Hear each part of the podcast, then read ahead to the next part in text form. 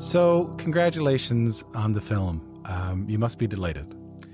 It's a relief to uh, finally to be able to share it with the world. Yes.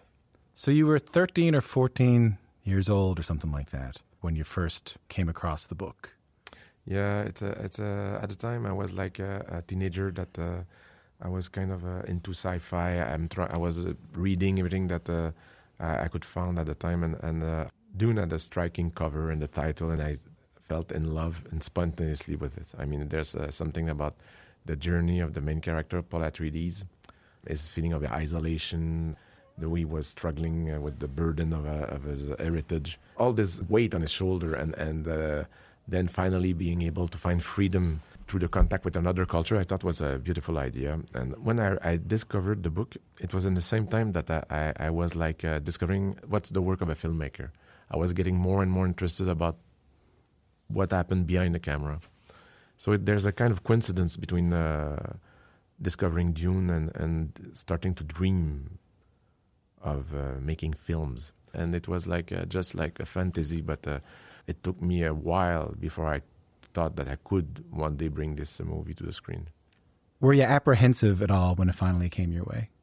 Um, I was apprehensive to that. My, my fear was to not be able to please that teenager that uh, dreams so big at the time because it can just be disappointing. I mean, it's like an impossible task to bring to life uh, uh, something that has been so close, to, so, so close to your art and and your and soul, and that you dream for forty years. And um, when I do movies, I um, try to put all my chips on the table. I, I love to jump and without having any net uh, to say no. But seriously, it's like art. I, I would have ate myself all my life if I if I had not tried.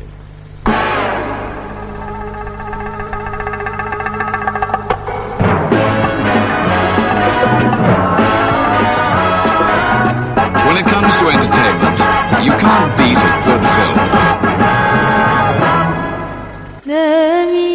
نامي يا صغيري تنغفى الحصير.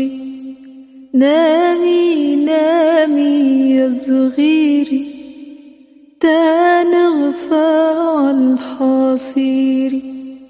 نامي على التيمي تاتنزل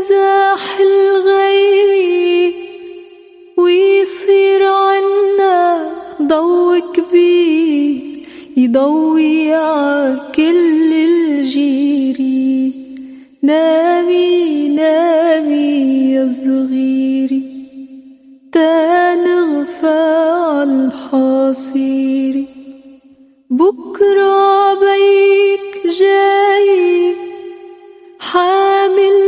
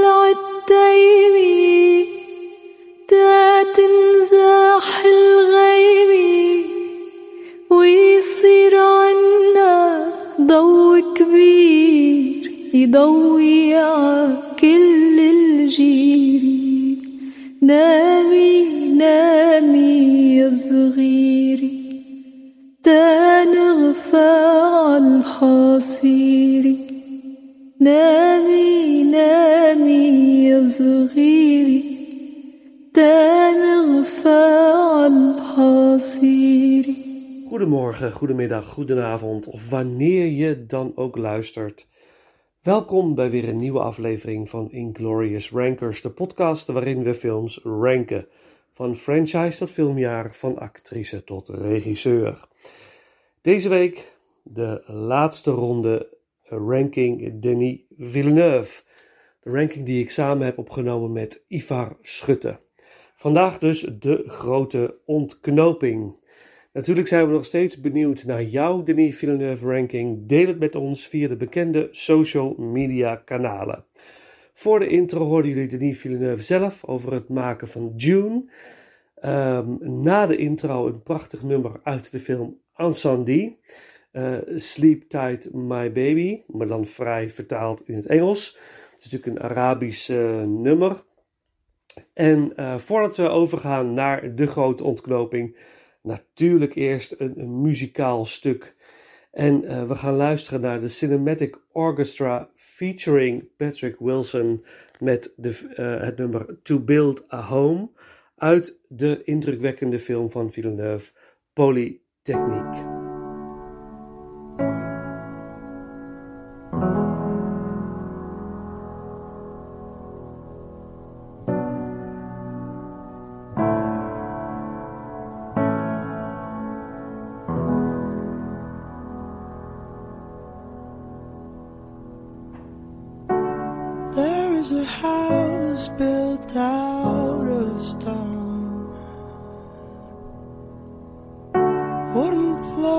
Floors, walls, and window sills.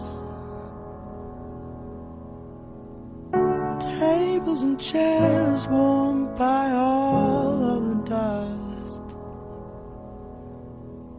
This is a place where I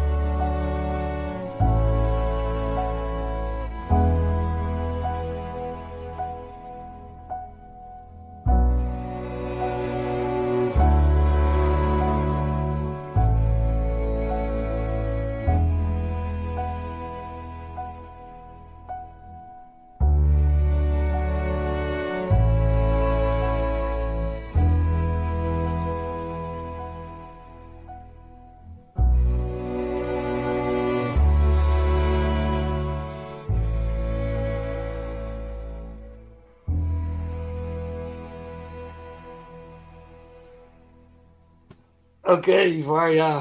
Ja, Nou, nou, dan gaan we, we gaan het pleister van de hart aftrekken. Jij zei net, ik durf het niet te zeggen, maar zo bijzonder is Ik heb op 4 June staan. Dus we Oh, zitten niet kijk. zoveel van. Oh. Valt mee, hè? Nou, dat valt mee, ook gelukkig. Ja, ja. ja, we hebben het net al zeer uitgebreid over gehad. En eh, eh, ik vind het een beetje onzin om echt de diepte in te duiken. Maar het is super gelaagd in deze film. Wat ik ook heel erg grappig vind, is een aantal verwijzingen in de film naar andere films. En dan zie je dat Villeneuve ook echt een liefhebber is van films. Eh, op een gegeven moment, de Baron, die zit in een, hè, de, de, de grote slechterik, ehm, Oh, ik weet waar je naartoe wil. de Harkonnen. ja. Die, eh, die moet herstellen in een bad. En eh, als hij dat bad uitkomt en over zijn kale kop wrijft, is het een directe hommage aan Marlon Brando in eh, Apocalypse Now. ja. Mijn aller, allerfavorietste film aller tijden, kan ik je nu alvast meegeven. Daar gaat Oh, boven. Ja? Ja, ja, ja. Oh. Die film heb ik denk ik, nou misschien wel zeker 15, misschien wel 20 keer gezien, waarvan drie keer in de bioscoop in alle re-releases. Oh. Eh, ik ben zelfs twee weken geleden naar Kino Rotterdam geweest. Een fantastische bioscoop met altijd super gave dingen. En daar kwam eh Chess Gerritsen, eh, de fotograaf die zes maanden op de set van Apocalypse Now is geweest met Coppola. Die had allemaal foto's gemaakt, die waren heel lang verdwenen. Die heeft het Rotterdamse Nederlands Filmmuseum in Rotterdam heeft hier opgeduikt en een tentoonstelling van gedaan. Die man die was daar en die heeft voor mij zo'n foto gesigneerd. En dan hoor je verhalen over die film, over hoe gek Brandon was. Martin Sheen was helemaal de weg kwijt. Dennis Hopper, totaal cookie wows op die set. Eh, Alles wat mis kon gaan ging mis, maar echt Dat zie je ook in die documentaire, toch? Hearts of Darkness. ja, ja, ja, ja, ja. Nee, dat was heel erg. Maar dus een verwijzing naar Apocalypse Now. Maar er zitten ook verwijzingen in naar Spielberg. Want op een gegeven moment eh, komen de Bene Gesserit, die komen eh, de test doen bij Paul. Die landen met een spaceship in een bos met bomen. Met, en de lampen schijnen door die bomen heen. Ja, je kan niet anders dan daar E.T. in zien. Waar het Oh ruimteschipje landt tussen de bomen. Ja, man. Ja, dat Ja. heb ik dus helemaal nog niet. Oh, god. Ja. Eh, wat zeg ik, What's in the Box, eh, Seven. En zo zitten er nog een aantal verwijzingen in. Nou, een hele duidelijk vind ik nog, op een gegeven moment, en dat vind ik mooi in deze film, is dat hij weet het, eh, de gevechtscènes tot een minimum te beperken. En daarom schoot voor mij Tenet volledig uit de rails van Nolan. Die laatste Mhm. scène, waar alles door elkaar rent, achterstevoren, zo onnodig. Het, het maakte mij de film helemaal stuk. Dat vond ik echt jammer. Mhm. Ehm, en hier heb je hele korte scène waarin ze heel duidelijk wordt dat ze geen schijnvakantie hebben. En er is een scène waarop dan de speciale elite soldaten van Atreides op een trap staan. En in slagorde naar beneden treden om die gasten Ja. aan te pakken, zeg maar. En ondertussen landen aan de achterkant nog meer soldaten, zijn ze bokkie. Maar die scène waarin ze die slagorde, die schilden en die zwaarden, dat is weer Zack Snyder met 300. Weet je, overal zitten van die dingetjes naar films. Ik vind het echt helemaal te gek. Eh, deze, fi- dit is een film die kun je nog heel vaak zien. En ik ben ervan overtuigd dat als deel 2 uitkomt straks en je hebt het complete plaatje en hij is af, dat die gaat stijgen in onze rankings. Maar nu nog niet. En dat ben ik met je eens. Ja, ja nou ja, dat, dat geloof ik ook wel. Als, als een, ja, dat, dat kan haast niet anders. Want dit is al meesterlijk. Dus als je het inderdaad aan elkaar gaat koppelen, dan wordt het, eh, wordt het ongekend. Ja, prachtig. Dus dat dat zal een van de mooiste films ooit zijn, denk ik. Bijna wel. Nou wel, de beste sci-fi in elk geval wordt het. Ja, ja. Wauw, ja, nou ja, goed. Hebben we alles gezegd over Dune? Ja, toch. Ga hem kijken, mensen. Ja, ja, ga het zien. Je, het draait gewoon nu, dus je kunt gewoon gaan. Ja, je, als je deze niet op het grote doek kijkt, dan doe je jezelf tekort. Eh, kijk hem een tweede keer gerust eh, op tv. Ja, Maar met de muziek, zoek een goede filmzaal uit. Ja. Neem de tijd. Hij duurt 2,5 uur, denk ik. ja ruim. Laat je onderdompelen in dit, dit spektakel. Ja. Eh, ik, ik heb ooit Interstellar van, eh, van eh, Nolan gemist in de bioscoop. Daar lig ik nog steeds van wakker. Dit zijn films die moet je zien op het grote doek. Die moet je Ja. zien. Absoluut. Ja, ja, mooi. En, ehm, ja, zelfs Jason Momoa is fantastisch in deze film. eh, Zelfs Jason Momoa. Zelfs Jason Momoa is, is geweldig. Onze Aquaman. Ja. Dat ik trouwens een verschrikkelijke film vond, by the way, Aquaman. Ik, kon, Ja. er niks, ik kon er niks mee. Ah, die maak Maar- je een ranking, maar zonder mij. Ja. Ehm, maar ja, goed. ehm, Dune nummer 4. Dune nummer 4, ja. Ehm, laten we dan. eh, Oh ja, wat ook nog interessant is, is de, de toen de trailer uitkwam van Dune, zat daar natuurlijk eh, een nummer van Pink Floyd in eh, verwerkt. Van het album Dark Side of the Moon, Eclipse. En dat is een ode aan Jodorowsky. Want die wilde, eh, die eigenlijk in de jaren 70 al Dune wilde maken, eind jaren 60 daarmee begonnen is. Er is een leuke documentaire over trouwens, uh, Jodorowsky's Dune. Heb je ooit gezien? Die heb ik nooit gezien. Nee, nee. Fantastisch. Italiaanse regisseur, volledig gepassioneerd. Die had al een heel plan klaar liggen voor June. Is nooit eh, gebruikt, maar die wilde dus Pink Floyd voor de soundtrack.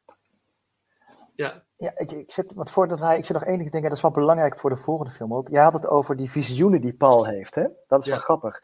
Ehm, hij ziet als het ware de toekomst, maar doordat hij die visioenen ziet, kan hij daarop bepalen wat hij in de toekomst gaat doen. Dus het zijn een soort dromen, maar die liggen niet vast. Want daardoor word je af en toe op het verkeerde been gezet. Dat vind ik wel interessant, hè? Zeker in een film die we iets verderop gaan bespreken. Is dat hier hij heeft de, de, de, de, het talent en de kracht om dus zijn eigen toekomst te bepalen op basis van dingen die hij ziet. En hoe verder we in de film komen, hoe meer hij dat begrijpt, dat wat hij ziet, dat hij dat kan sturen. In het begin wordt hij heel erg overvallen. En hij begrijpt steeds meer, wacht eens even, Ehm, ik, ik krijg een boodschap te zien met personen die misschien niet de personen zijn die daar straks aan gekoppeld zijn. Hè. Hij ziet dat hij vermoord wordt door iemand, maar dat is, dat is heel erg eh, letterlijk, terwijl het veel meer figuurlijk bedoeld was. Dus dat is ook wel mooi dat hij die, dat, dat, dat, want hij wordt dan gezien, en dat is ook interessant, hij wordt gezien als the one. Hoeveel films, hoeveel films zijn er niet gebaseerd op het boek van Paul Herbert? The Matrix is erop gedaan. Tremors vroeger, hè, met Kevin Bacon, met, Ja, met de ja. Heel veel films zijn natuurlijk hierop gebaseerd. De hele Star Wars trilogie, hoeveel films zijn er? Negen films.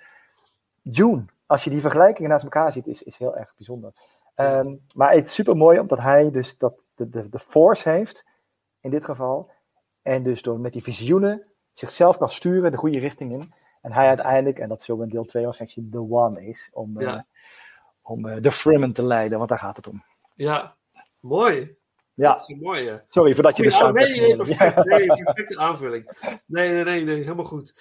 Maar eh, goed, ik heb het verteld. Jodorowsky wilde met Pink Floyd werken. Van, en daarom zit Pink Floyd in de trailermuziek. eh Eclipse dan nog één track van Hans Zimmer, gewoon omdat het, eh, omdat het kan. En dat is My Road Leads Into the Desert. Ook uit June. En dan eh, mijn nummer vier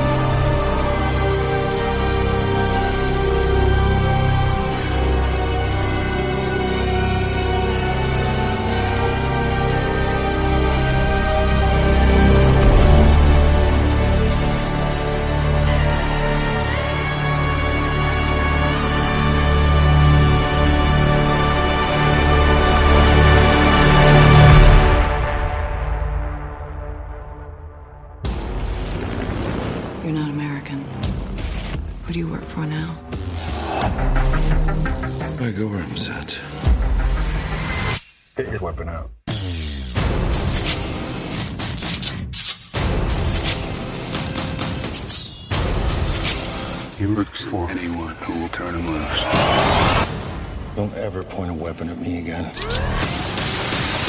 Sicario, rated R. Starts everywhere October 2nd. Oké, de top 4. nou ja, dit, dit, wa dit was. eh, De 1 en 2 was een, was een strijd. En de 3 en 4 was een ding. Wat, gaat er hoger? Nou, nummer 4 staat bij mij Sicario. Eh, hadden we het net al heel kort over gehad. Ehm, ook eh, een film over een, waarin een krachtige vrouw speelt.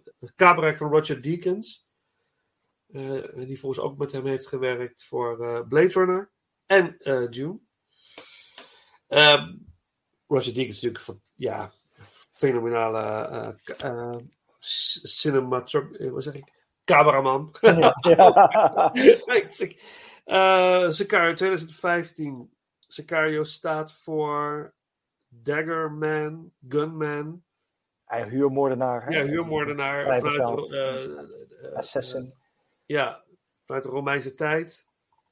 Waarin dus eh, eh, bepaalde groeperingen, Joodse groeperingen, Romeinse burgers vermoorden met een verborgen dolk in hun gewaad. Daar, heeft het de, wat, daar wijst de titel naar uit, maar dit gaat daar niet over. Dit gaat over de drugsmokkel van Mexico naar Amerika. Dat is zeg maar het centrale thema. Een FBI-agent, gespeeld door Emily Blunt. Ze krijgt de opdracht om zich aan te sluiten bij een special team dat een, eh, de missie heeft om het drugstransport van Mexico naar Amerika aan te pakken eigenlijk. En zij is heel erg idealistisch en heel erg gedreven om, om eh, het goede te doen. Vanuit, vanuit eh, de goede intentie, een goed hart. Zij wil dit gewoon fixen en zij op een goede, correcte manier. Maar ze krijgt te maken met een, met een team wat het op een hele eigen wijze doet. En dan krijg je een conflict binnen haar van is dit wel, misschien is dit wel de manier om het te doen. Misschien kan het niet anders dan het aan te pakken zoals zij het willen. En het lijkt een beetje of zij de kant kiezen van de, de dealers en het transport. En dat zij juist eh, het vanuit binnenuit willen, willen controleren, willen sturen. En zij willen het aanpakken. En dat is, krijgt ze dus een, een conflict in, in, binnen zich, in zichzelf. En eh, ja, een waanzinnig mooie rol van Emily Blunt. Wat, wat, een actrice is dat? Ja, hè? In de, in de, wat, wat knap zeg. Maar ook eh, Josh Brolin. en natuurlijk fenomenale Benicio del Toro.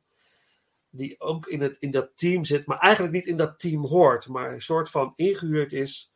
Omdat hij inside information heeft en weet hoe, hoe het van binnenuit werkt binnen die. Ja, die en team. meer dan dat. Hij heeft nog een andere agenda natuurlijk. Ja, Dan hij de heeft- en hij heeft daarbij in en hij, hij heeft een revenge agenda eh, Ja. daarbij ook nog.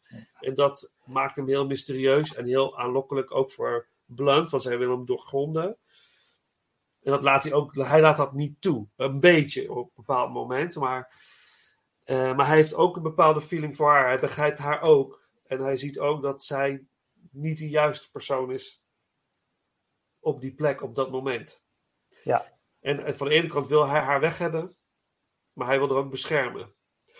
En dat is zijn conflict. En zij trekken naar elkaar toe eh, in, in, in de film. Ik, ehm, fantastische, fantastische film. Een heel mooi script van Taylor Sheridan, die ook Wind River heeft geschreven. Fenomenale film. Hello High Water. Maar ook las ik de verschrikkelijke film, vind ik. Those Who Wish Me Dead, van, met Angelina Jolie. Ja. ja. Wat, wat was dat? Ik, toen ik die film zag, van wat, wat was dit? Dacht ik, wat? Oké, maar goed, daar hebben we het niet over. Maar, eh, dus ehm, ja, heel dynamische, hele spannende film. Met ook, weer een geweldige opbouw. Ja. Eh, vooral die, die, eh, vooral aan het begin, het, zeg maar, over die grensrijden met het hele team, met al die wagens. Mhm. Dat duurt eigenlijk best wel lang. Het duurt heel lang, dat, dat rijden en dat doen. Maar die, Opbouwen van die spanning naar Ja. iets waarvan je weet dat het gaat gebeuren, maar wanneer. Ja. Dat is Villeneuve ten voeten uit. Ja, fantastisch. Dat hij Ja. dat durft. Dat hij durft ons mee te nemen in die spanning. Dat wij, oké, wacht maar, wacht maar, kijker. Weet je, wacht maar. Ik, ga je, ik neem je mee. En, en, en, ja, op een of andere manier is zijn timing zo sterk dat het toch lukt ook. Snap je? Ja. Dat Ja, ja, ja. is waanzinnig. Hele, hele, hele tof film. Heel, heel gaaf. Ehm, en die, die, die muziek, Ja. vooral dat stukje is, eh, heeft de, de, de, degene die de, die de muziek heeft gecomponeerd, waar we zo weer opkomen, heeft het gebaseerd op eh, Jaws. dus ook weer is er een Spielberg-invloed in deze. eh, ehm, ja. Ja, wa- waanzinnig. ja, het is eh, Johan Johansson, hè? die Ja, ja, ja, zeker. Ja. Het is natuurlijk de, de, de- Ja. Nou, weet je, eigenlijk wat deze film zo ontiegelijk goed maakt, is deel 2. Als je deel 2 ziet, ik heb zelden een grotere teleurstelling gehad van een vervolg dan Sicario 2. Ja. Waar Villeneuve niet in zit, omdat hij zich volledig richtte op Blade Runner. Omdat hij die wilde maken om Dune te kunnen maken. Ik hou wel van mensen met visie en die vooruitdenken. ja. Ehm, ik ga straks wat verder op in, want hij staat bij mij hoger. Ja. Ehm, Villeneuve weet hier perfect de balans te vinden door vanuit het perspectief van Emily Blunt, Kate Mercer, de film te bekijken. De verbazing, de twijfel die ze heeft, de, de kwetsbaarheid. eh, vanuit daar kijken. Eh, er is een scène waarin ze een briefing krijgen in een grote zaal voordat ze naar Juarez gaan om die drugsbaron op te halen. ja. Nou, daar zit het halve Navy SEAL team met de standaard baarden en de grote wapens en pet achtervoeren. Er zitten twee sheriffs met een grote cowboot op. De kans dat die scène was ontspoord in macho gedrag was enorm groot. Maar door vanuit het perspectief van Kate Mercer, dus Emily Blunt, te kijken, Ja. haalt hij die angel eruit en kijkt hij met dezelfde verbazing naar het macho gedrag als zij doet. Ja. In de tweede film is zij er niet in. Is ook geen, er komt geen vrouw in voor, behalve dan het dochtertje waar het om gaat van een van die drugsbronnen. Oké. Daar ons, ontspoort het volledig met alleen maar schieten en kapot maken. En de hele boodschap uit die film is weg. Prima, slash een, eh, een, een, een, een, weet ik wat, movie. En het schiet het die de helikopters. Maar de kracht van Sicario zit daarin. En één scène wil ik even specifiek belichten. En dat vind ik zo mooi. Zij heeft geen idee waar ze aan toe is.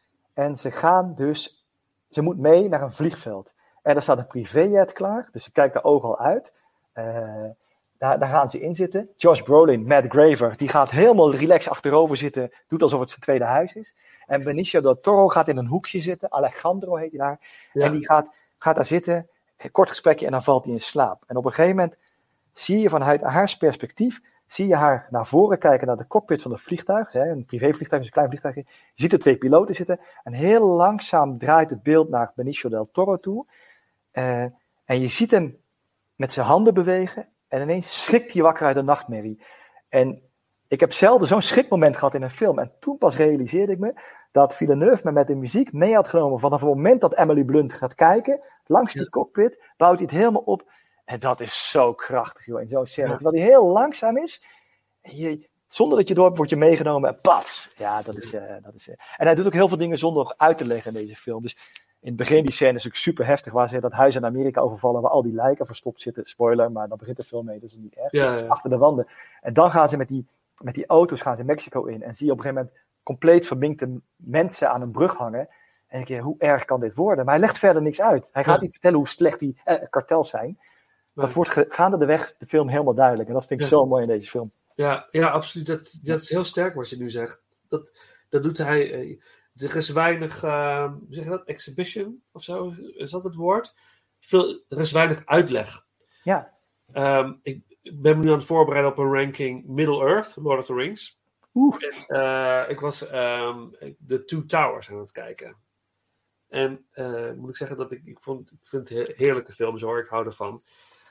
Maar dan, de eerste scène haalde me al compleet uit die hele film nu.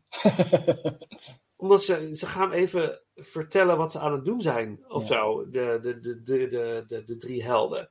Die vertellen letterlijk: Oh, ik voel nu dit en ik doe nu dat. Oh, eh, ik, ik eh, ruik dat Dus, Ja, dus alles uitleggen, ja, ja. Alles zeggen, zeggen, zeggen. En ik, oh fuck. En ik had net al die Villeneuve-films gezien.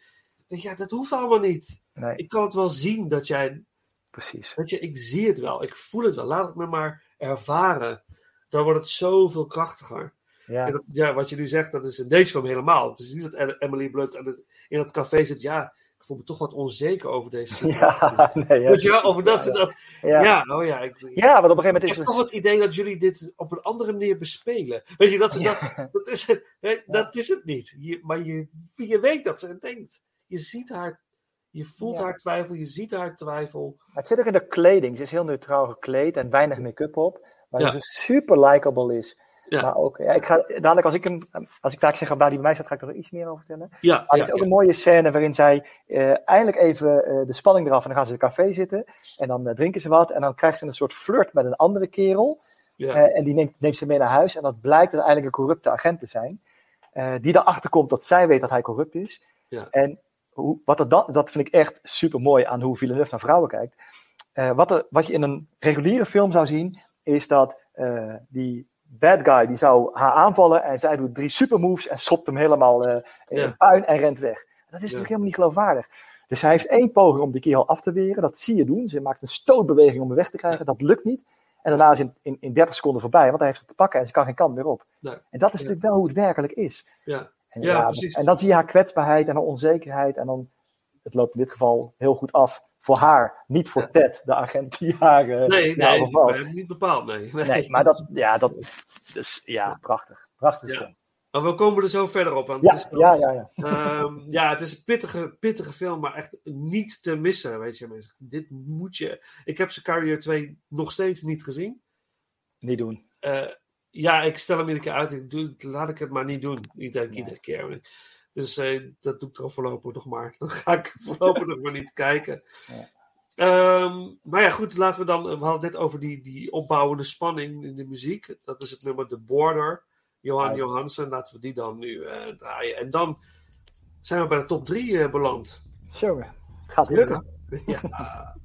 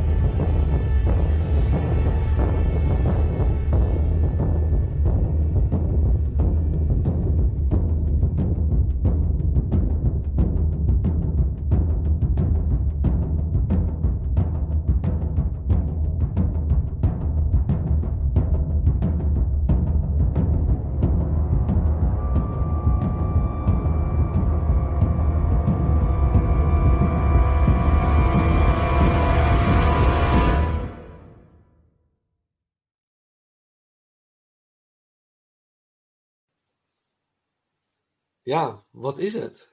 Wat is jouw nummer drie? Mijn nummer drie is uh, Incendies of Incendies. Is moet ik op zijn Frans uitspreken. Uh, een hele onbekende film was voor mij toen ik een beetje in Villeneuve ging duiken. Uh, dat is gekomen na, denk ik, Sicario. Dan was ik echt, wow, wat is dit voor regisseur? Daar wil ik meer van weten. Ik kwam ik deze film tegen. Uh, hij is iets minder toegankelijk dan zijn andere films, want het is nog in de tijd dat hij films in het Frans schoot, hè, omdat hij uit Frans Canada komt. Ja. Een groot deel Frans en een groot deel in het Arabisch. Ja. Het gaat over, het speelt zich af in een uh, land in het Midden-Oosten, soort van fictief, waar een burger, burgeroorlog woedt. Maar de parallellen met Libanon zijn overduidelijk. Ja. En dat is helemaal duidelijk wat er gebeurt. Ja. Um, het verhaal gaat over een vrouw, Nawal Marwan, met een Oosterse afkomst, een Midden-Oosterse afkomst. En die is overleden.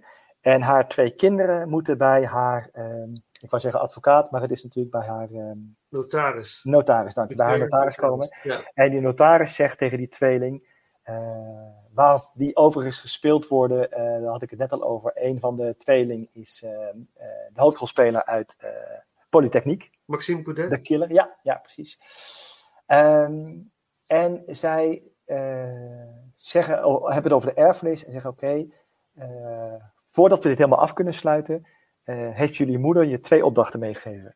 Eén is een brief voor je broer, waarvan zij geen idee hebben dat ze een broer hebben. En de andere is een brief voor jullie vader. Geef deze brieven aan die twee mensen. Dan heb ik de laatste brief voor jullie, waarin alles uitgelegd wordt. En dan kunnen we dit uh, afsluiten.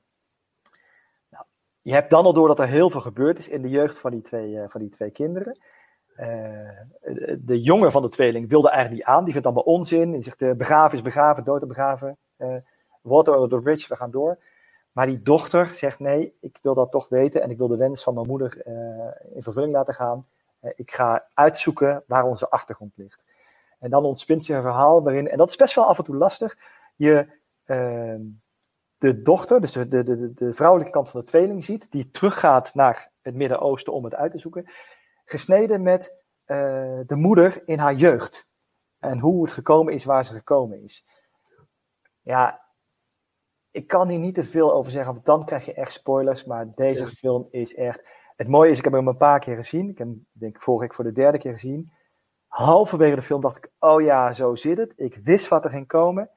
En ik zit toch weer te janken bij deze film. Ik word er zo door gegrepen. Ja. Het is een brok in je keel. Ik weet, ik weet wat er gaat gebeuren. Maar het wordt zo krachtig verteld.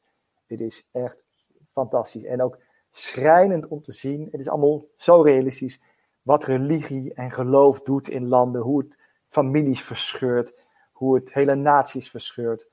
Uh, ja. uh, hoe mensen aan elkaar gedreven worden. Welke effect dat hebben.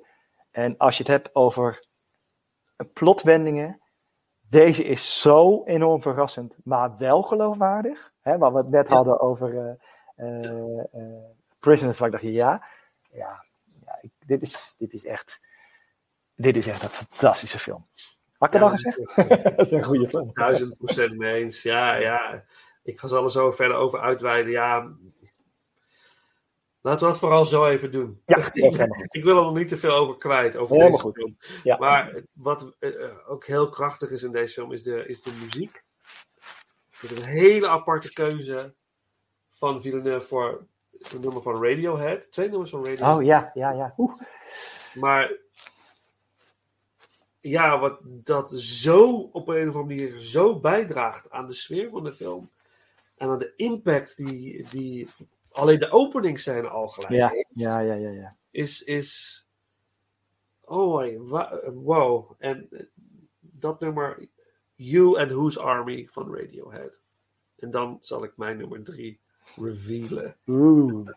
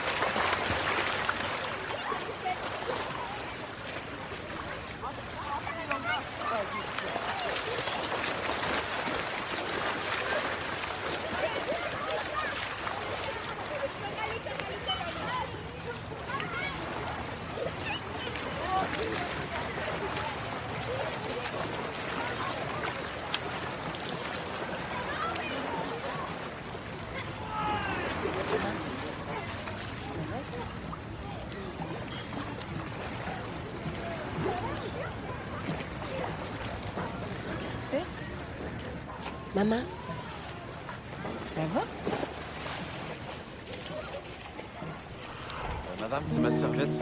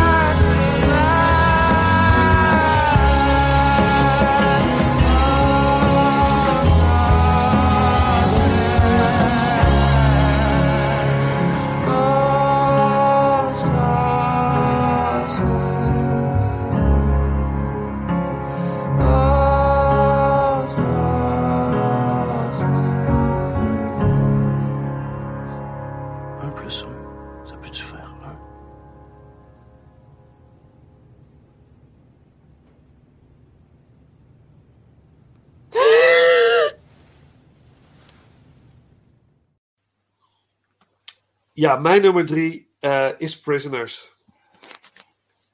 Ehm, ik heb hem, dat is de laatste film die ik had herzien. Eergisteren heb ik hem weer eh, gekeken. Daar hebben we natuurlijk al heel veel over verteld. We weten nu waar het over gaat. Het gaat over een ontvoering. Ehm, ja, ik, ik heb niet zoveel moeite met Hugh Jackman. Ik vind Hugh Jackman wel eh, een goede acteur. dat hij in, bijvoorbeeld in Les Miserables, dat is een, een van mijn favoriete... mu- Ik ben niet zo heel erg een musical man, maar een aantal producties die ik ook in Londen heb gezien, daar, dat vind ik fenomenaal. Eh rond de Les Miserables, dat, eh, dat vind ik fantastisch. Ehm, ik heb natuurlijk ook een theaterachtergrond, dus daar speel, en Hugh Jackman speelde die rol fantastisch, vond ik, eh, in, in, in die film. En ik vind hem hierin ook echt, ja, ik vind hem heel angstaanjagend en heel, en heel, heel begrijpelijk. Ik zou waarschijnlijk ook zo zijn. Ja. Eh, als het, je kan natuurlijk, als je vader bent, kun je je identificeren met, met deze man. En ik, ik vond dat hij. In een interview vertelt hij ook. Ik zal hem ook ergens in een van de afleveringen voorin in, eh, als intro doen. Vertelt hij over zijn, zijn samenwerking met Villeneuve. En hoe hij, die regisseur hem zo ver heeft kunnen krijgen in deze film. Tot het uiterste heeft weten te, te, eh, te, te, te drijven om op deze manier zichzelf te profileren in de film. Dat is geen fijne man. het is geen, geen fijne man. En, Nee. Maar het is zo. Die scène dat hij. Ze zitten in de auto, eh, de Loki en de vader. En Loki vertelt hem eigenlijk van: Je moet me mijn werk laten doen. Zoiets is gebeurd. Je moet gewoon nu. Probeer het, ga naar huis, zorg voor je vrouw. Doe dat. Want die vrouw heeft echt zorg nodig. Want ze is inderdaad ze is buiten zichzelf getreden. Ze is niet meer hier. Dus eigenlijk, zij heeft hem nodig. Op dat moment heeft die vrouw is, is haar kind kwijt. Dat is on- ondenkbaar voor, voor een moeder. Is, het is ondenkbaar. En dan ben je als man nodig. Hè? Dan ben je nodig. Je bent nodig om. Je moet, dan moet je de rot zijn. Dan moet je er zijn. En hij doet dat niet. Hij, hij vlucht in ander gedrag. In drank en agressiviteit. En eh, hij, hij moet een slachtoffer hebben. Hij moet iemand eh, hebben die die kan beschuldigen. Waar hij zich ook kan uitleven. En hij, in die Ja. auto laat hij die kant van zichzelf zien. Dan slaat hij tegen het dashboard. Spuug langs zijn mond en zijn, die blikken. En hij, pure woede en, en, en angst. Alles zit erin. En dat vond ik zo knap. En ik Jezus. En ik voelde hem. Weet Ja, ik voelde hem. ja, ja. Oh god, ja. Ik zou dat ook doen. Ik zou ook alles kort en klein willen slaan. Om maar iets. Je moet iets met die emotie. Je, je, kind is weg en je kan niks. En ik vond dat zo krachtig. En ja, maar ik vind de rol van Jack Gyllenhaal, vind ik, die tik die hij heeft en dat, dat, dat knipperen met zijn ogen en, en hoe hij op een gegeven moment zichzelf verliest eh, met, eh, als, als ze een verdachte hebben, zeg maar. Ja, ja, ja. ja. Dat hij, eh, want hij wordt ook tot het uiterste gedreven. hè. Want hij, hij moet op die vader letten en hij wil die kinderen vinden. En hij ziet de wanhoop bij de ouders. En hij wordt ook, nog druk van zijn, van zijn chief. Die hem ook niet erg sympathiek benadert. Dus hij, en hij is echt een loner, volgens mij. Dat komt er een beetje uit. Stukken in het begin helemaal alleen in zo'n eetgelegenheid zit hij te eten. En dan krijgt hij de oproep. En, Ehm, ja, en de vraag die eh, voortdurend staat: hoe ver zou jij gaan? Wat, zou jij, Ja, ja, ja, ja. wat is jouw positie in het, in het geheel? Wat zou jij doen? Wat, ik vond dat, en de manier waarop het gefilmd is, eh, Paul Dano, die.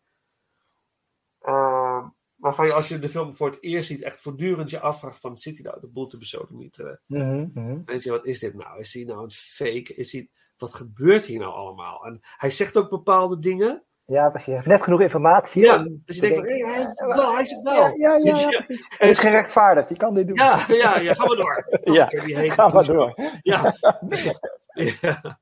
Nee, maar... Maar ja, we hebben er heel veel over gezegd. Ik zal het kort houden. Ja, ik, ik, prachtig camerawerk van Roger Deakins. Eh, ja. ik, was, ik was zwaar onder de indruk van deze film. En ik vond het einde fantastisch. Ja.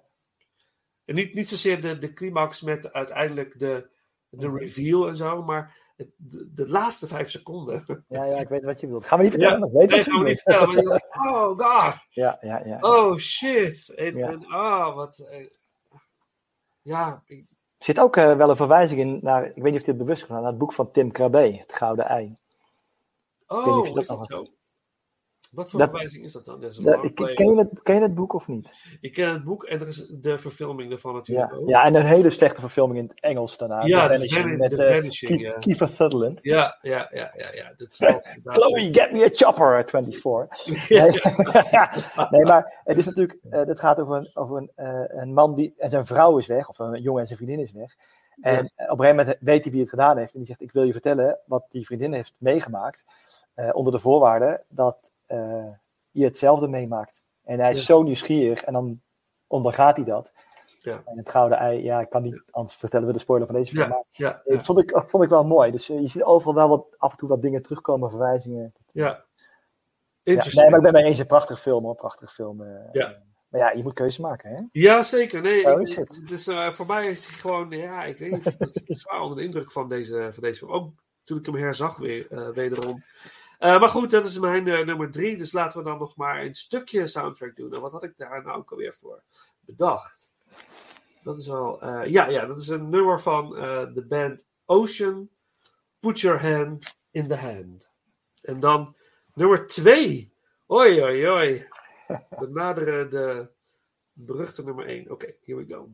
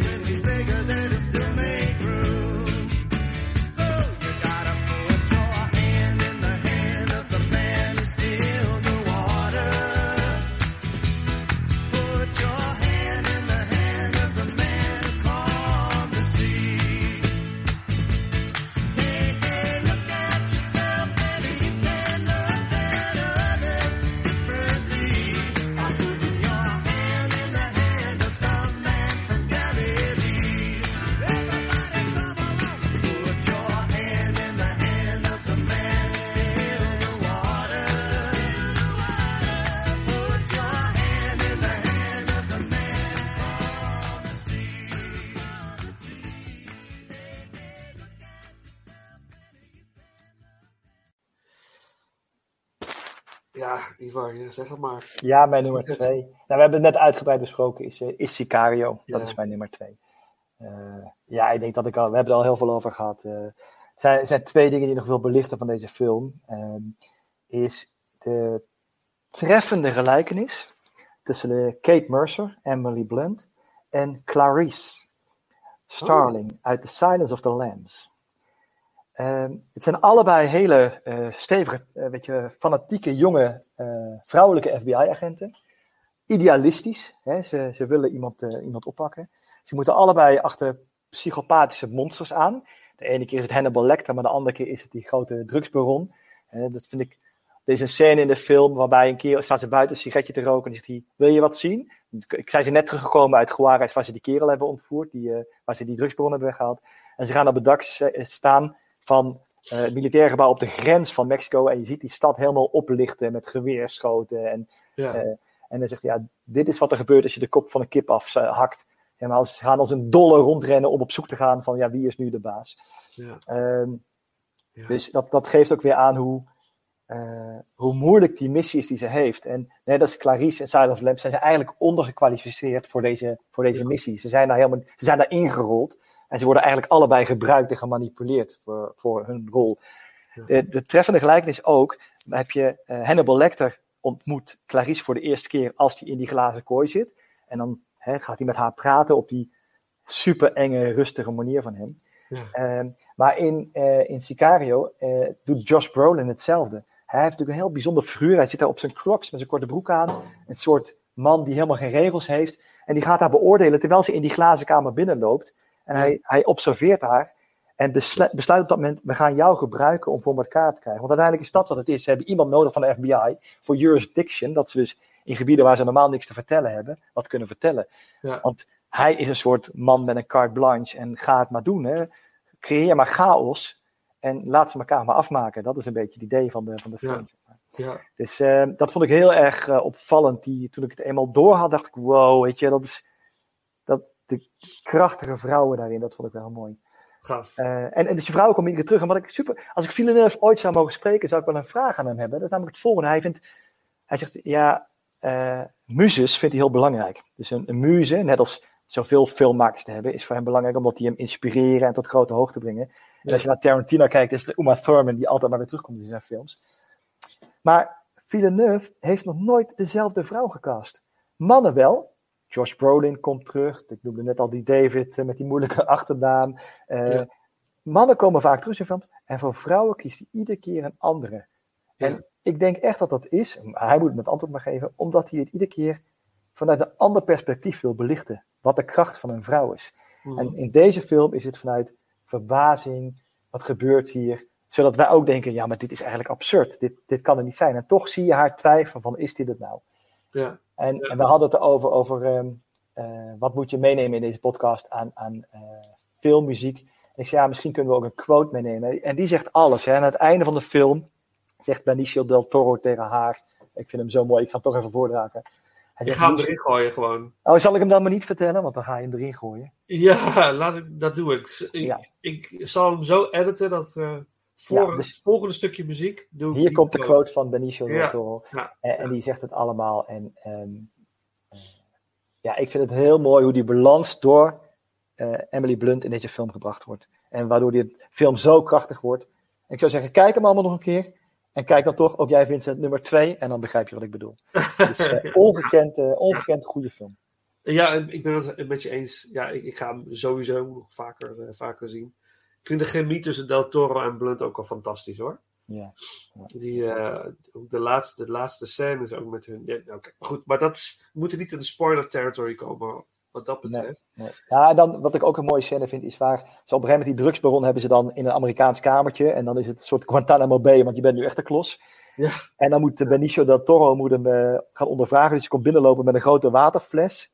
Ja. En eh, zo, weet je wel, zo'n die je op zo'n machine zet waar je bekertjes onder kan houden. En eh, Josh Brolin zegt, "Yo, ik laat jullie even alleen. En die drukt de camera uit, die daar staat om te filmen wat er gebeurt. Ja. En dan gaat hij heel dicht op die man staan met zijn kruis in zijn gezicht. Er wordt niks gezegd. En je voelt de angst. En verder wordt niks uit. Je ziet ook niks van die martelscène of niks. Maar die scène vertelt alles. En dat is de kracht van een goede regisseur, vind ik. Ja, geweldig. Ja, mooi. Oké, nou nog een stukje muziek dan van Johan Johansson, Desert Music. En eh, daarvoor de quote. De quote. en dan naar mijn nummer twee. Yes. We zijn er bijna. We zijn er bijna.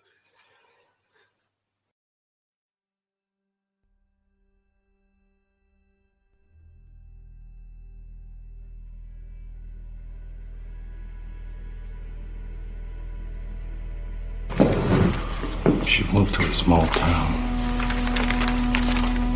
where the rule of law still exists. You will not survive here. You're not a wolf. And this is the land of wolves now.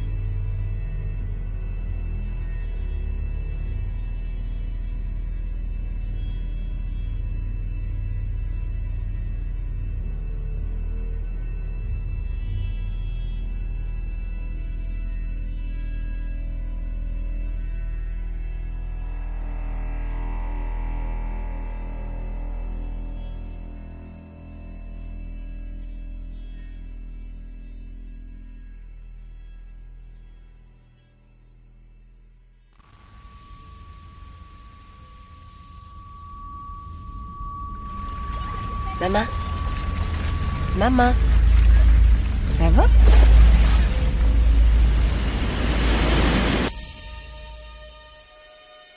Testament de Madame Nawal Marwan. Ouverture du testament devant ses deux enfants, Simon Marwan et Jeanne Marwan.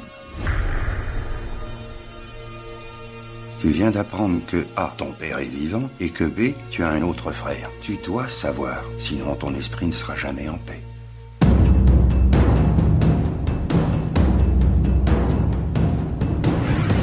Si vous voulez retrouver votre frère, il va falloir remonter dans le passé de votre mère.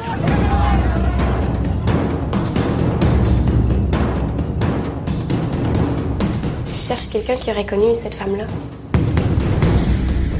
Nous, les étudiants, nous nous opposons au parti nationaliste qui tente d'expulser les réfugiés hors des frontières. Si tu es la fille de Noël Marouin, tu n'es pas la bienvenue ici. هلا شو رح تعمل؟ بدي أعلم عدوي اللي أنا تعلمته من أهل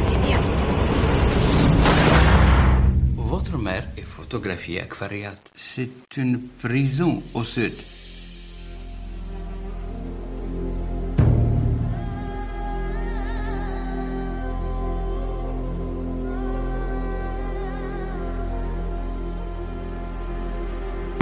Ils ont fait tout pour le faire plier. On cherche l'enfant que Nawal Marwan a eu en prison. Parfois, il vaut mieux peut-être ne pas tout savoir.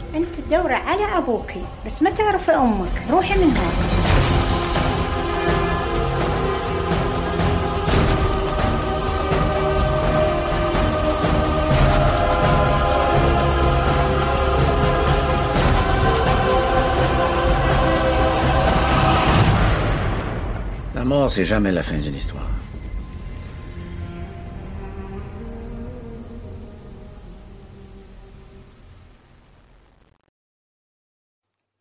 Oh, nummer 2 en nummer 1 was een. eh, tot, eigenlijk tot vanmiddag toe heb ik eh, getwijfeld van wat, wat moet nou naar 1, wat moet nou naar 2.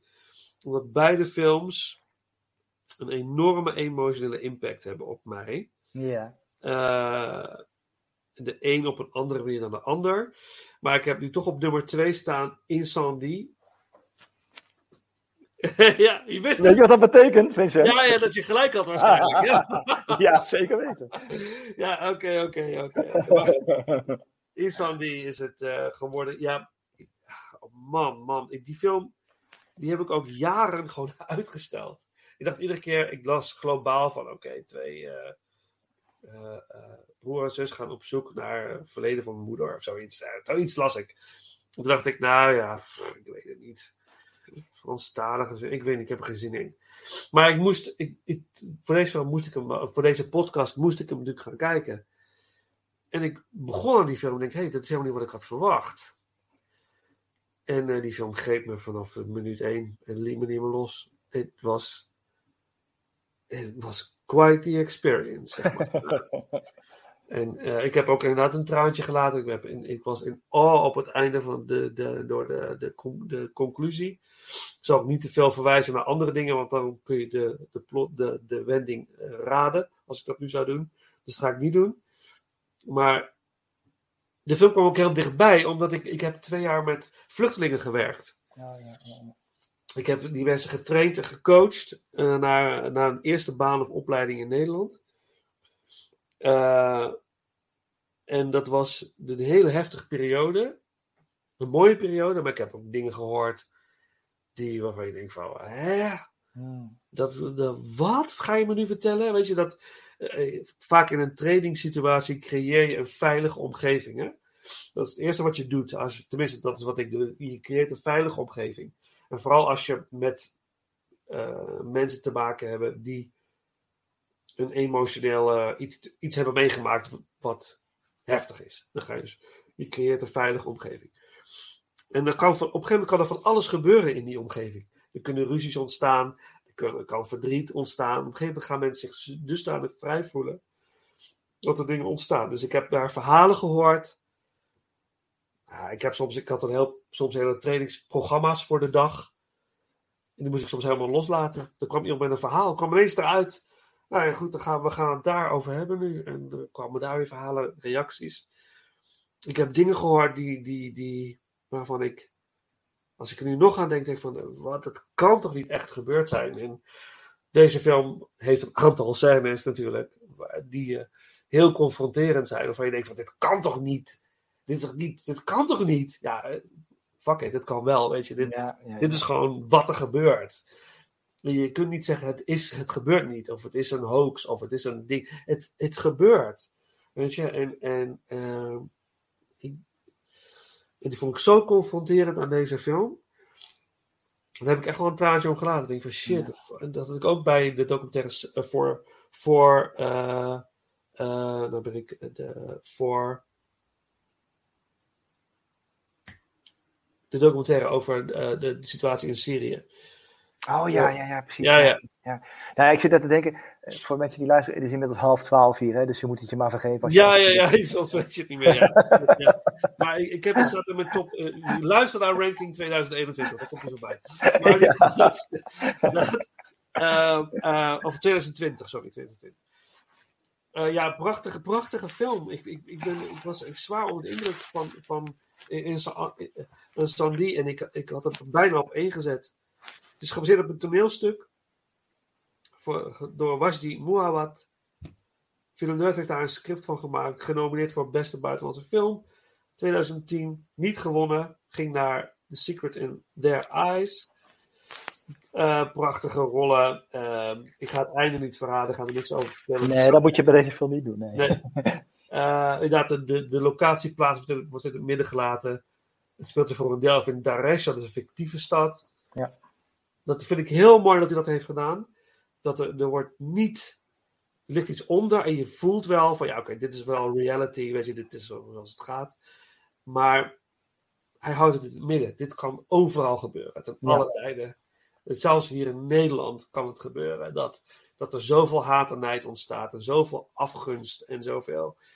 Dat inderdaad zelfs je eigen familie je meest verschrikkelijke dingen kan aandoen. Eh, Dat is, daar opent de film als het ware ook mee. Hè? Dat, eh, dat, Ja, ja, precies. Ja, dat, dat is gewoon dat is een, dat, dat, waar alles mee gaat starten. Het verhaal van moeder start met een verschrikkelijke gebeurtenis.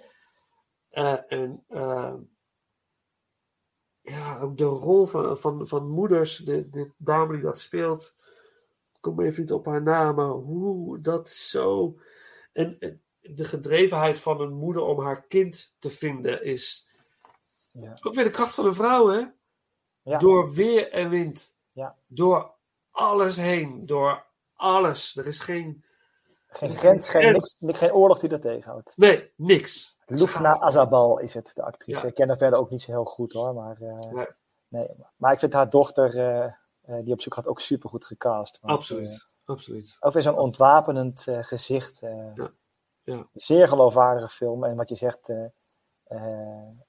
dicht bij de werkelijkheid. Maar laat je daar niet door ontmoedigen. Ga hem kijken, want dit is echt een pareltje. Dit Ja, is, nee, eh, je moet hem zien. En sowieso daarom alleen al. Om, om, Ja. te- om ook te ervaren van dit, dit gebeurt er in de wereld. En doorzie, de, doorzie het verschrikkelijke ervan. Maar doorzie ook dat soms mensen niet anders meer kunnen dan dat. Hè? Ja. Ze zijn zo geprogrammeerd of zo opgevoed of zo stellig dat ah, het is soms zo moeilijk om schuldigen aan te wijzen. Ja, Dat is ja, precies. Ja. Dat is, zo, dat is in deze film is dat echt een ding.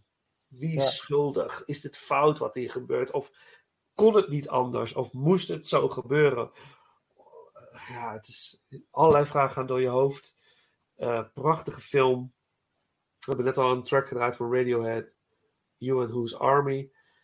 Eh, nu muziek van Grégoire Hetzel, eh, die de muziek heeft gemaakt voor deze film.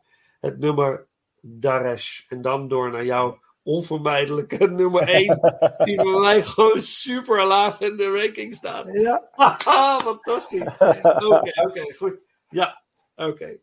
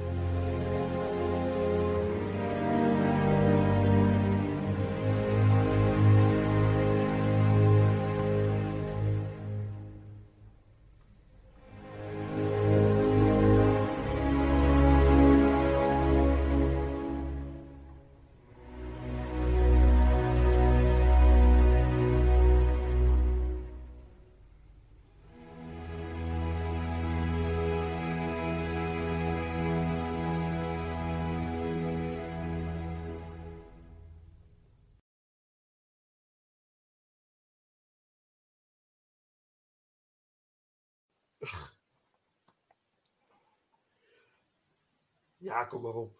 Ja, nou ja, je weet het al, hè? Ja, er blijft er maar eentje over. Ja. En, ehm, eh, die stond voor mij redelijk vast. En dat is Arrival op nummer 1. Bij jou Ja. stond die op 8, denk ik.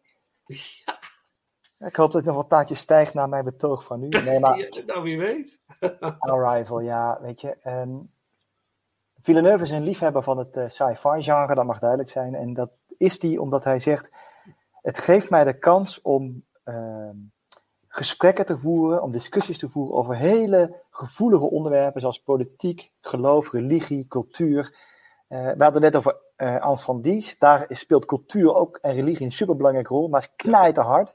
Ja. En, en, en science fiction geeft hem de kans om dat te doen. En ja, eh, ik denk dat we deze film niet kunnen bespreken zonder wat spoilers toe te voegen. Dus eh, we zullen wat moeten vertellen. Ehm,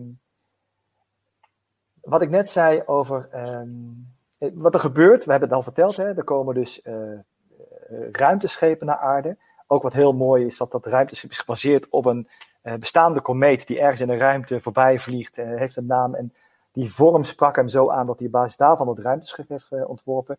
De, de, de diagonale, verticale zwaartekracht die daarin ontstaat, ik vind het mindblowing bedacht. Hè, hoe je naar boven gaat, ineens gaat zweven en dan weer een andere vorm terechtkomt. De heptapods, hè, dat zijn twee, eigenlijk zijn het soort handen met zeven vingers die je ziet lopen, eh, die met hun tentakels eh, eh, letters en woorden uitspuwen en daarmee een verhaal proberen te vertellen. Je hebt twee wetenschappers, Amy, Ad- Amy Adams als Louise is de één, en ehm, die lukt het om te ontcijferen. En dat gebeurt eigenlijk op het moment dat zij de twee aliens een, een naam geven. En dat is een stel Amerikaanse komieken uit de jaren 50, 60 denk ik. Abbott en, help me even. Met Costello. Costello en Abbott, dankjewel. Ehm, en dan gaan ze ook hun eigen naam bekendmaken. Daar beginnen ze mee. Dus ze schrijft op haar naam, zegt ze Louise. En eh, Jeremy Renner schrijft Ian. En dan, gebeurt, dan, dan ontstaat er een connectie tussen de aliens en haar, zeg maar. En het gaat over de aliens die komen om een, ze zeggen een, ze vertalen als een weapon, een wapen te geven. En dat, wordt, dat is misinterpretatie van de taal, want ze bedoelen eigenlijk, we geven je een tool, een gereedschap. Ja. En de gereedschap is de taal. En het idee is dat als de mensen die taal leren, dan zijn wij in staat als mensheid om over 3000 jaar de heptapods te redden van uitsterven eh, met behulp van die taal. Eh, en dat is heel grappig. Eh, ik, ik moet er toch wat meer over vertellen, maar het, het heeft te maken met een, een, een, theo- een theorie, een hypothese, en dat is de Sapir-Whorf-hypothese, en die gaat als volgt: dat specifieke taal die we spreken invloed heeft op de manier waarop we denken over de werkelijkheid. Dus hoe mensen taal interpreteren, is de werkelijkheid anders. En een mooi voorbeeld daarvan is dat eh, wij kennen een eh, wasbeer als een, heeft de naam wasbeer als een beertje dat schoon is. Hè? Dat is de associatie met een wasbeer. Ja. Ja. En in Amerika heet hij een garbage panda en wordt gezien als een vies vuil beest wat alleen maar in het afval zit te zwerven. En uh, dat is Ja. wel erger dan een rat bij spreken. Dus door het dier een andere naam te geven, hebben we ook andere associatie met dat dier. En daar is die hele hypothese op gebouwd. Ehm, en dat zit hier ook in, dat de, die taal die zij geven, maakt het mogelijk om niet meer lineair, maar circulair de tijd te ervaren. En dat is interessant, want als je tijd lineair, en dat doet eh, Paul Atreides in Dune, die kan de tijd lineair bekijken. Die kan vooruitkijken in de toekomst en vervolgens langs die lijn bepalen of hij een andere afslag neemt. Ja. Ja. Bij circulair heb je ook de optie, eh, de, de, de, het vermogen om in de toekomst te kijken. Maar als je hem gezien hebt, kan die niet meer veranderen. En hij blijft ronddraaien. En dat is het super interessante van deze film. Vind ik echt mind-blowing. Ja. Het is een soort catch-22, want Amy Adams krijgt dus de kans om te zien wat er in de toekomst gebeurt. En op een gegeven moment heeft ze door dat ze dat kan. En daarmee stuurt ze dus naar de oplossing. En dat is echt Ja. heel erg mooi waar Ja. die film om gaat. En de uiteindelijke boodschap van deze film is dat de oplossing altijd in communicatie ligt. En nu heeft hij weer een andere muzie, muze, Amy, Amy Adams, die dat op een andere manier vertelt dan al die andere muzes in andere Ja. films. Ja, en dit is, deze film, het is in de schoonheid van het film, maar ook de, deze film heeft zo'n duidelijke boodschap. Ik denk van alle films wel de meest duidelijke boodschap. Ja, ik, ik heb hem ook meerdere keren gezien en ook weet ik weer wat er gaat komen. En toch denk ik, hoe ontzettend briljant is dit, hoe deze film in elkaar zit. Het is zo'n slimme film. Ja. Ongekend, ongekend. En zeer ondergewaardeerd. En voor mij echt absoluut nummer 1 van Danny Villeneuve. Ja, wat mooi. Wat, een- wat een mooie. Dat zet je mooi uit. Ja, zonder nog te veel te spoilen eigenlijk. Je hebt het er heel mooi uitgelegd. Zonder Ja, te veel ja, in detail te treden. Want dat. Ja, mooi hè. Ga ik, ja, ik moet even over nadenken. Even verwerken wat je hebt verteld. Ja. Ja, nou wat denk je? Shit, die had op één gemoeten natuurlijk, denk je nu. Nee, fijn. hoor. Nee, Nee, maar... het is- Dus, het is- ja. En, en er zit dan ook nog de lijn in van, van eh, eh, Amy Adams, dus Louise, met haar dochter. En dan zie je ook een beetje hoe dat zich ontwikkelt. En dat zet Ja. ook allemaal vraagtekens bij je neer. Aan het einde van de film wordt het allemaal duidelijk. En het is, het is zo'n openbaring. Eh, holy fuck, wat had hij Ja, dat is wel absoluut waar. Ja. Dat is wel de ervaring die je hebt bij deze Het zet je ook de manier van denken, het, het lineair denken, zet het in een ander perspectief. Denk je, Ja. dit is omdenken, dit is omdenken zoals veel marketeers het proberen te vertellen. Ja, ja, ja. Jongens, als je altijd maar loopt te omdenken op kantoor, kijk deze film en hou dan maar je mond, want dit is het. Nou, wel, wel gaaf, want ik hoorde laatst over een boek. Ik ga dat boek ook bestellen, het is moeilijk te krijgen. Het heet De Tralies van de Taal. En het boek gaat erover dat de theorie, dat het is ook een geschreven boek, dus dat maakt het alweer grappig. Want het gaat over taal, terwijl het heel, heel erg anti-taal is. Want sinds dat we de taal, dat we taal zijn gaan gebruiken, dat is de ondergang van de mensheid, zeg maar, eh, ontstaan. Dat we gaan, omdat we steeds alles anders interpreteren. Ja. En dat eh, woorden kunnen een hele hoop kapot maken. En dat, eh, daar moest ik eens aan denken toen je dat eh vertelde. Ja, nou, dat is wat deze film vertelt. Ja. En, en de, de, eerste reactie, want ze landen op twaalf verschillende plaatsen. Ja, en op een gegeven moment is één van die plaatsen waar, zegt die, die, die dat is in China dan, je, en nou is zat, we gaan vol pool. Die gast, vanuit de agressie denken ze, we moeten een stap voor zijn. Ja. En als hij denkt, nee, je moet communiceren. En uiteindelijk gaat het daarom. In het leven is het allemaal communiceren. Ja. En dan kom je eruit. Ja. En eh, dat is ook weer zo mooi.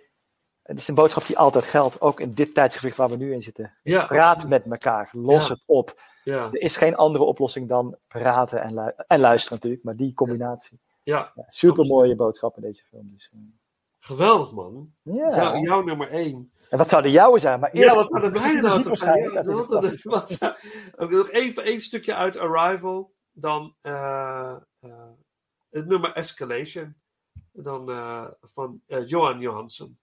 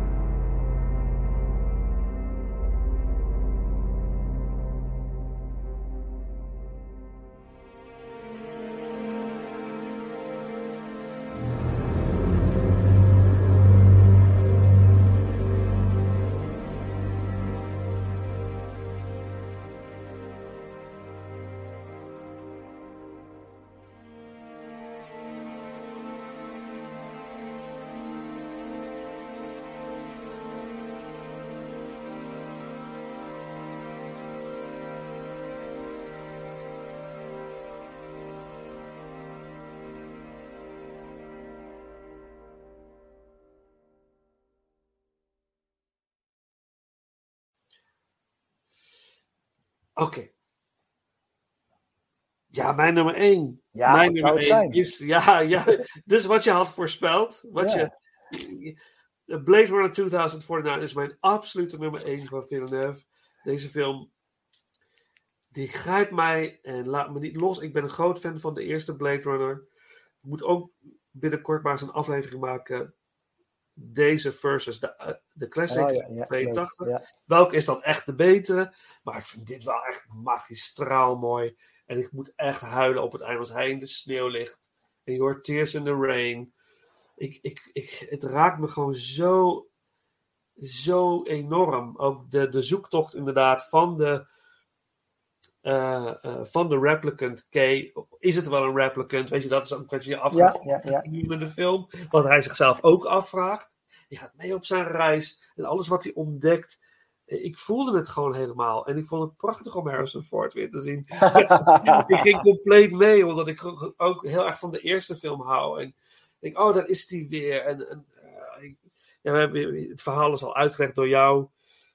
Eh, het speelt zich af 20 jaar na de, na de andere, na de, de, de, classic Blade Runner uit 1982. Ehm, ja, prachtige soundtrack. Inderdaad, David Bowie heb ik genoteerd. En David Bowie is mijn grote muziek, muzikale held. Sinds uh, kinds af aan al. Ik had hem, het was fantastisch geweest om hem in deze rol te zien. Maar Jared Leto doet het ijzingwekkend goed, moet ik zeggen. Uh, laten we ook Robin Wright even benoemen nog. Mhm. erin. Dave Bautista. Uh, alleen aan, aan, aan het begin van de film. En je hebt ook verschillende cuts van de oude Blade Runner. Je hebt een final cut, je hebt een uh, theatrical cut. En deze film pakt de sfeer van de theatrical cut en de final cut eigenlijk. Die maakt er een soort brei van. En, nou, veel liefde voor deze film. Ik snap de, de, de opmars naar June. Als ik June nu zie. Uh, maar ik, ik vind het uh, ik, prachtig camerawerk van Roger Deakins. Het ziet er zo fantastisch mooi uit allemaal. Alles aan deze film vind ik van minuut tot minuut, seconde tot seconde uh, prachtig. Ja, hoe heerlijk is dat? Dat je een film kijkt en er zit eigenlijk geen slecht moment in. Dat is nee. toch te gek? Ja, ja. Ik, dat hij nergens verslapt, dat hij altijd je aandacht vasthoudt. Ja. Ja. ja. Toen ik hem voor het eerst in de bioscoop zag, toen dacht ik ook van, nou ja, vanaf het eerste moment van, wat is dit? wat, oh god, dit wordt van, dit, en het bleef maar goed. Het, voor mij dan. Het, het, het werd niet minder. Het bleef fascinerend. En Ryan Gosling is, is briljant, vind ik, uh, in deze film. Hij is ook heel goed in het in karakters spelen die, waar, die weinig emotie tonen, maar waar heel veel onder ligt. Ja. Wat je wel voelt. Ja. Maar dat hij niet laat zien, dat uh, doet hij. Ja, precies. Het is geen Keanu Reeves wat dat betreft. Nee, hij, nee. Er zit wel emotie nee. achter deze. Ja, ja, precies. Ja, ja, ja, precies. Niks mis met Keanu Reeves, hè? Ik nee, heb, helemaal niet. Nee, vorige week. Point Break nog in de bioscoop gezien. Helemaal te gek. Die werd op 35 mm uitgebracht. Uh, wat had je gezien? Wat Point Break. Oh ja, vertel je eigenlijk even. Een re-release op 35 mm. Helemaal te gek. Oh maar, man, Point Break. Maar, maar goed, Ryan Gosling, ja. ja, voor deze rol, uh, ja, perfect. Maar dat zegt zijn casting van Villeneuve is vaak echt spot on. Ja. Zo goed gedaan. Ja. Die ja. Anna de Armas ook, ja, je wordt instant verliefd op haar. Ja. Dat is niet normaal. Ja. Wat een mooie vrouw. Ja, echt. Ja. ja. Zo knap gedaan. Ja. Ja, maar ook, het is, uh, dat, ik had het, van het, van het weekend heb ik gekeken met uh, de kids naar de film Luca. Pixar. Ja. En um, toen, ik, ik zat te kijken en ik dacht, oké, okay, gaan Luca kijken. Oké, okay, uh, ik weet niet, gaan kijken. Altijd met Pixar, het zal wel niks zijn. Altijd word ik weer verrast. En nu ook weer met Luca. En weer op het einde zit je daar met die tranen. En denk ik, oh god, man. En denk, het zijn getekende poppetjes, man. Weet je, wat? Waarom? maar deze, het is een hologram. Ze is niet ja. echt. Maar je voelt aantrekkingskracht tot haar. Je ja. wil, wil, haar bijna zelf in je huis. Bijna dat gevoel. Dat, dat, uh, het, je weet het is een hologram, maar ze voelt echt. En dat ja. zie je bij hem ook. Hij is, hij is gek op haar. Hij, hij ziet haar als, een, als zijn uh, ega, zijn vrouw. Of, uh, ja, maar dat kun je ook voorstellen als je ziet hoe het gebracht wordt. Dan je, ja, Ja. dat zou ik ook hebben. Ja, Weten dat een hologram is. Super knap Ja. gedaan. Ja, nee. Ja. Dat, eh, Ja. Dus heel mooi. En ook de scènes met Harrison Ford, ja, briljant. En Eh, eh, dat hij inderdaad in, een- in een soort eh, Las Vegas-achtige omgeving eh, zit. Waar ook een hologram van Elvis Presley eh, tevoorschijn eh, komt. Ja, eh, ja prachtig. ja, ik, ik ga er niet. We hebben er al heel veel over gehad, dus ik, ik hou het hierbij. Het is laat. Het is eh, vijf voor twaalf inmiddels. Het is echt laat. We hebben echt heel uitgebreid gesproken over van alles. Ik wil nog wel één stukje soundtrack doen. En dat is dan gewoon het nummer 2049. En dan gaan, we, gaan we hem afronden. Komt-ie.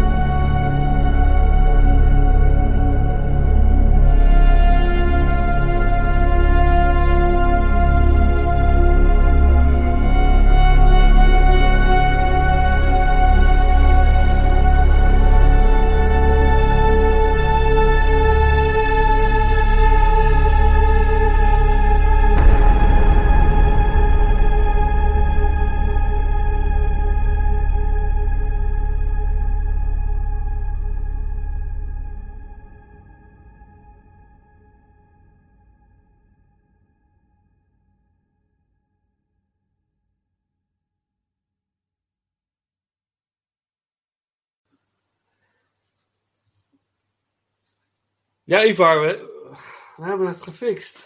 ja, hij zit erop. Ik vond het echt te gek. Ja, ik ook. Superleuk. Superleuk. En ehm, hoe jij naar die films kijkt, voegt ook weer zoveel toe. Daarom is het zo leuk op deze manier om over films te discussiëren. Dus het is geen goed of slecht. Nee. Eh, andere invalshoeken. eh, het maakt me ook weer nieuwsgierig naar bepaalde films. Anders naar kijken dan ik deed. Echt heel Ja. leuk. En ik hoop Ja. dat mensen die het hier naar luisteren hetzelfde hebben. Van, oh ja, interessant, weet je, leuk. En ja, Ik heb hetzelfde. Ik ga binnenkort weer Arrival kijken nu. Maar echt serieus. Ja, Met leuk. die, toch is toch weer. eh, dat is wel. Dat triggerde me wel weer. Maar ja, onwijs leuk om, om, om jouw passie ook te horen. Ja, ik zeg altijd, ja, dit is wel voor herhaling vatbaar. Zitten, ja, nou, laten we het vooral uh, ergens in de toekomst nog een keer uh, doen. Met weer een andere ranking. Ik ga binnenkort voor het eerst met drie mensen ranken. Dus we gaan met z'n drieën. Dus misschien ook leuk om een keer ergens bij aan te sluiten of zo. Of, maar je moet maar kijken. Wat, uh, dat uh, komt allemaal goed. Eerst gaan we deze de, de eter in slingeren. En dan ja. zeker, zeker. op naar de volgende. Helemaal leuk ja. man. Echt leuk om te doen. Hé, hey, maar ontzettend bedankt. Ja, ook. Uh, en, dan, en, um... en dit brengt ons alweer aan het einde van deze aflevering van Inglorious Rankers. Volgende week een nieuwe ranking. Ranking Middle Earth. Deze keer samen met maar liefst twee gasten. Oude bekende Paul Hazelhoff en nieuwe Inglorious Ranker Wouter van de Sande, bekend van het Instagram-account Movie Maniac. Natuurlijk zijn we benieuwd naar jouw Lord of the Rings slash Hobbit ranking en deel het via Insta of Facebook. Deze laatste Villeneuve aflevering sluiten we af met een stuk muziek van Hans Zimmer, gemaakt voor de trailer van June, Eclipse. Eigenlijk een nummer van Pink Floyd, maar door Zimmer bewerkt voor deze trailer. Beste mensen, voor nu bedankt voor het luisteren en tot de volgende ronde.